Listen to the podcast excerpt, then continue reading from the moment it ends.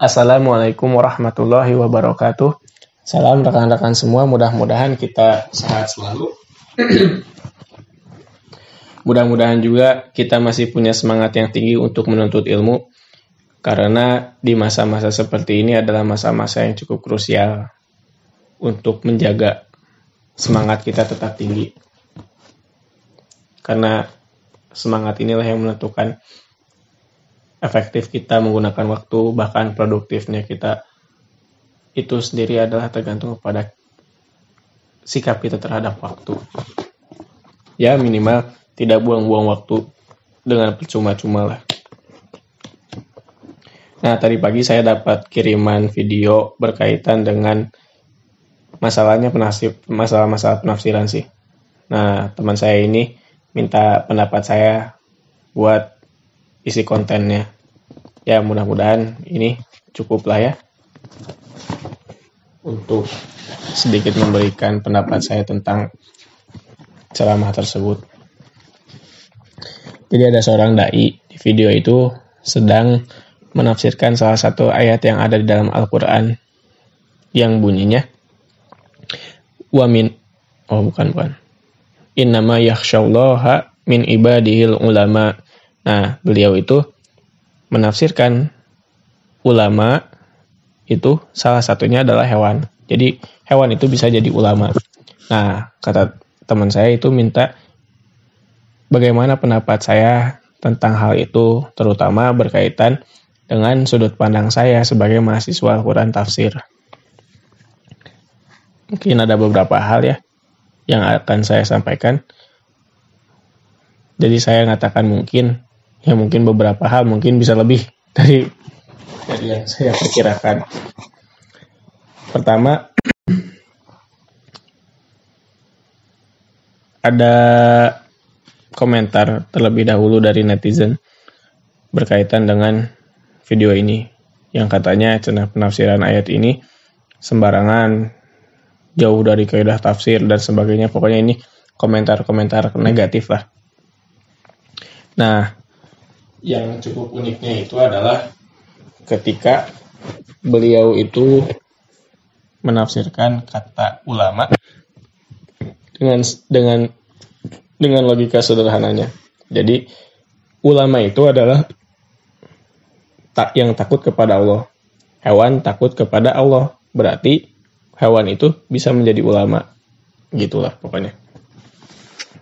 Jadi ini kan yang menjadi Permasalahan-permasalahan yang diangkat dan yang di dan yang di banyak komentari oleh orang-orang di internet.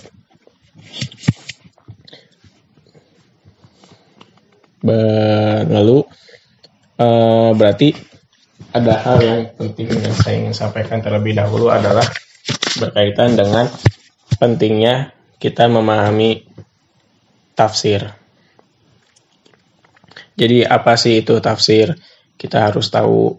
Jadi terus apa bagaimana sih perkembangan tafsir sehingga kita teh merasa membutuhkan terhadap tafsir. Lalu apa sih faidah-faidah dari tafsir itu sendiri dan bagaimana penerapannya dalam memaknai makna yang terkandung dalam Al-Qur'an termasuk dalam penerapan-penerapan kaidah tafsir itu sendiri terhadap Al-Quran. Kan ini yang menjadi polemik yang tidak pernah selesai dari dulu sampai sekarang. Bahkan nanti ketika bersentuhan dengan Barat pun nanti akan ada polemik baru tentang tafsir ini. Nanti ada sentuhan dengan pro kontra hermeneutik di dalamnya. Ada lagi permasalahan yang dianggap terlalu konservatif oleh sebagi, sebagian kelompok itu terlalu konservatif dalam menafsirkan ayat Al-Quran dan masih banyak lagi lah. Sehingga yang mesti kita pahami bahwa dari hal tersebut proses untuk untuk pembentukan metodologi itu sendiri adalah bukan proses yang mudah. Terjadi proses yang cukup panjang. Sehingga ketika kita menafsirkan ayat Al-Quran hanya dengan pikiran-pikiran kita yang sembarangan seperti itu, ya saya rasa itu agak kurang pas juga. Nanti di sejarah juga kita akan menemukan bahwa banyak penafsiran-penafsiran yang dilakukan oleh manusia yang justru nanti mendegradasi sifat Al-Quran itu sendiri. Yang asalnya sifat Al-Quran itu menjadi petunjuk memberi petunjuk kepada manusia malah jadi menyesatkan manusia. Bukan karena Al-Qurannya yang sesat tapi bagaimana kita memahami Al-Qurannya yang salah.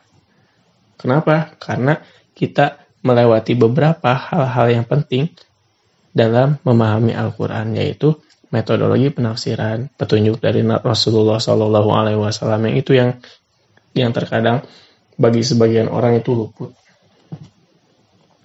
Nah, untuk sedikitnya saya ingin memulai dari perkembangan tafsir itu sendiri dulu. Kenapa tafsir ini begitu penting untuk memahami Al-Quran? Jadi gini, ada satu riwayat dalam kitab usulul tafsir wa uh, suatu hari Nabi itu di Nabi itu menyampaikan ayat kepada para sahabat. Ayat itu bunyinya walam yam, walam yalbisu imanahum bizulmin. Nah, ketika ayat ini disampaikan kepada para sahabat, para sahabat bingung dalam memaknai ayat tersebut.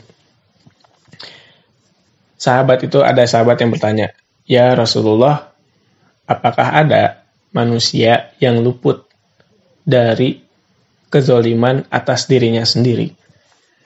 Kurang lebih itu pertanyaannya.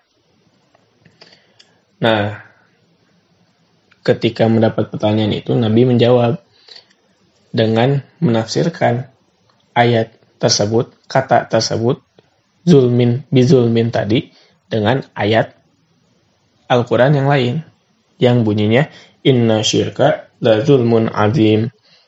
Nah, jadi zulmin bizulmin zulmin dalam ayat walam yalbisu imanahum itu bizulmin uh, dengan bimana asyirka, bimana asyirku dengan makna syirik. Jadi yang dimaksud dengan kezaliman pada ayat yang pertama itu adalah syirik berdasarkan penjelasan tafsiran Nabi tadi. Nah, faedah dari dari kisah tersebut adalah pertama dari aspek sisi sahabatnya. Dari para sahabat, yaitu ketika para sahabat itu ragu terhadap makna Al-Quran. Mereka tidak memaksakan diri untuk memahami Al-Quran berdasarkan pemikiran mereka. Tapi mereka bertanya kepada sosok yang lebih mengetahui tentang Al-Quran itu, yaitu Rasulullah Shallallahu Alaihi Wasallam. Jadi dalam konteks para sahabat dahulu itu, ya udah ketika saya tidak tahu saya harus nanya kepada nabi karena nabi yang paling mengetahui tentang ayat Al-Qur'an yang diwahyukan kepada yang wahyu, wahyu yang merupakan wahyu yang diturunkan dari Allah kepada nabi. Sehingga nabi itu ketika menjelaskan kepada kepada sahabat bisa memberikan pemaknaan yang jelas. Gitu. Dan Jelas ya, makanya kenapa para sahabat itu disebut generasi terbaik, karena dalam melakukan penafsiran ayat Al-Quran, ayat yang ditafsirkannya itu ditafsirkan oleh Nabi. Jadi Nabi itu adalah orang-orang yang benar-benar memahami Al-Quran. Sehingga ya jelas, para sahabatnya jadi generasi terbaik karena ya Al-Quran dipahami dengan baik oleh mereka gitu. Dan yang kedua adalah aspek dari sisi nabinya sendiri. Kita lihat bahwa ketika Nabi menyampaikan kepada para sahabat, Nabi menunjukkan juga kepada kita bahwa dalam memahami Al-Quran itu terdapat metode-metode tertentu yang perlu kita gunakan untuk membongkar makna yang terkandung dalam Al-Quran. Salah satunya tadi dengan menafsirkan ayat Al-Quran dengan ayat yang lainnya. Gitu. Tadi kan ayat yang berbunyi walam yalbisu imanahum bizulmin ditafsirkan dengan ayat inna syirka lazulmun azim. Sehingga makna azulmun pada ayat yang pertama itu menjadi jelas oleh ayat yang kedua menjelaskan makna dari ayat yang pertama itu gitu. Jadi pentingnya kita memahami bagaimana Nabi memberikan isyarat adanya metodologi tertentu dalam memahami Al-Quran yang kemudian hari dikembangkan dan di apa namanya teh dirapihkan oleh para ulama ya karena untuk mempermudah kita gitu. Untuk mempermudah kita untuk menjadi pegangan kita agar dalam pemaknaan Al-Quran tadi Al-Quran itu menjadi petunjuk bagi kita bukan menjadi sesuatu yang justru malah menyesatkan kita. Ya sekali lagi saya tekankan bahwa yang sesat itu bukan Al-Quran ya tapi cara kita memaknai Al-Qurannya gitu.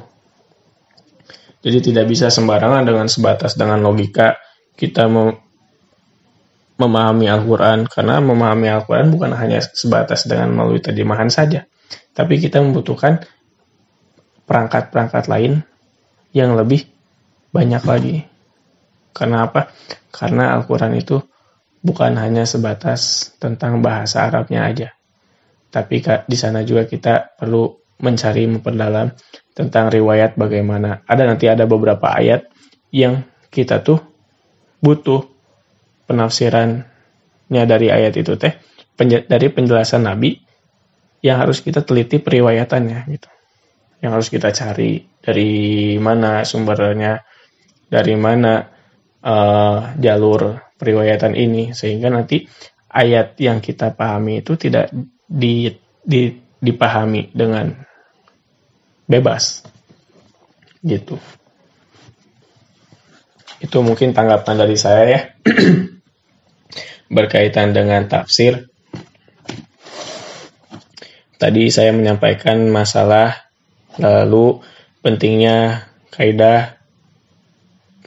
Oh lalu ada lagi nih. Pentingnya Al-Quran juga. Memang ya Al-Quran itu banyak keutamaannya Bahkan ketika kita membaca Al-Qurannya pun itu udah menjadi pahala tersendiri bagi kita. Nah, cuman tadi bedakan antara pentingnya membaca Al-Quran dan pentingnya kita memaknai Al-Quran.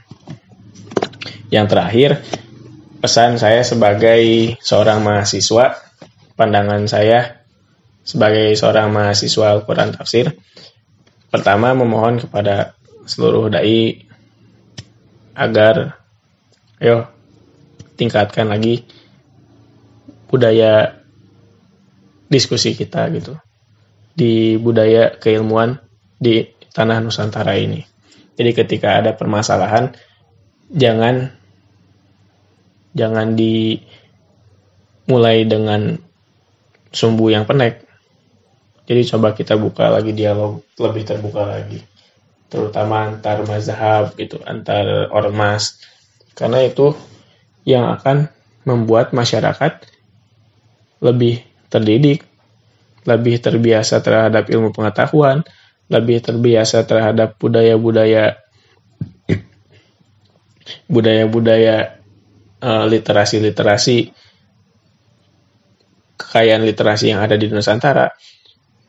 Lebih menambah wawasan lagi tentang ilmu yang ada di dunia ini hal-hal seperti itulah yang mesti yang mestinya kita kembangkan. Bukan kita datang yang mestinya dikembangkan oleh para ulama sekarang gitu. Jadi jangan sampai para ke kalaupun memang salah akui salah.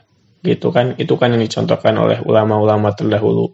Seperti Imam Syafi'i seperti Imam Hanafi yang mengatakan ayo periksa lagi lah gitu kalau misalnya ada kesalahan dari saya. Itu bahkan Imam Syafi'i juga kan ada kaul kodim, ada kaul jadid. Itu menunjukkan bahwa pendapatnya bisa berubah berdasarkan ilmu ilmu yang dia ketahui, ilmu baru yang dia ketahui. Apa Imam Syafi'i aja kayak gitu, apalagi kita gitu kan.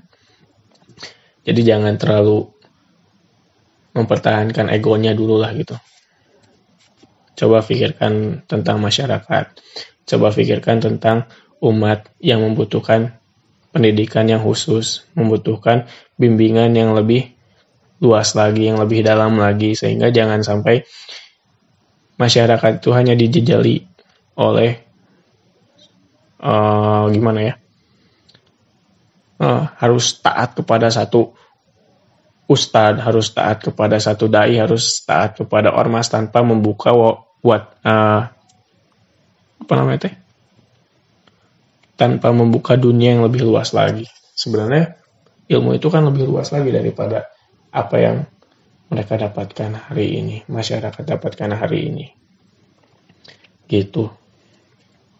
Dan juga terakhir sebelum saya menutup, mudah-mudahan kita semua diberi petunjuk oleh Allah Subhanahu wa taala ter terutama bagi orang-orang yang seperti saya yang masih awam selalu mendapatkan petunjuk agar tidak sembarangan belajar, agar terus serius belajar, agar terus sering membaca lagi, lebih rajin lagi mencari pengetahuan baru, agar bisa banyak hal yang lebih dipahami lagi.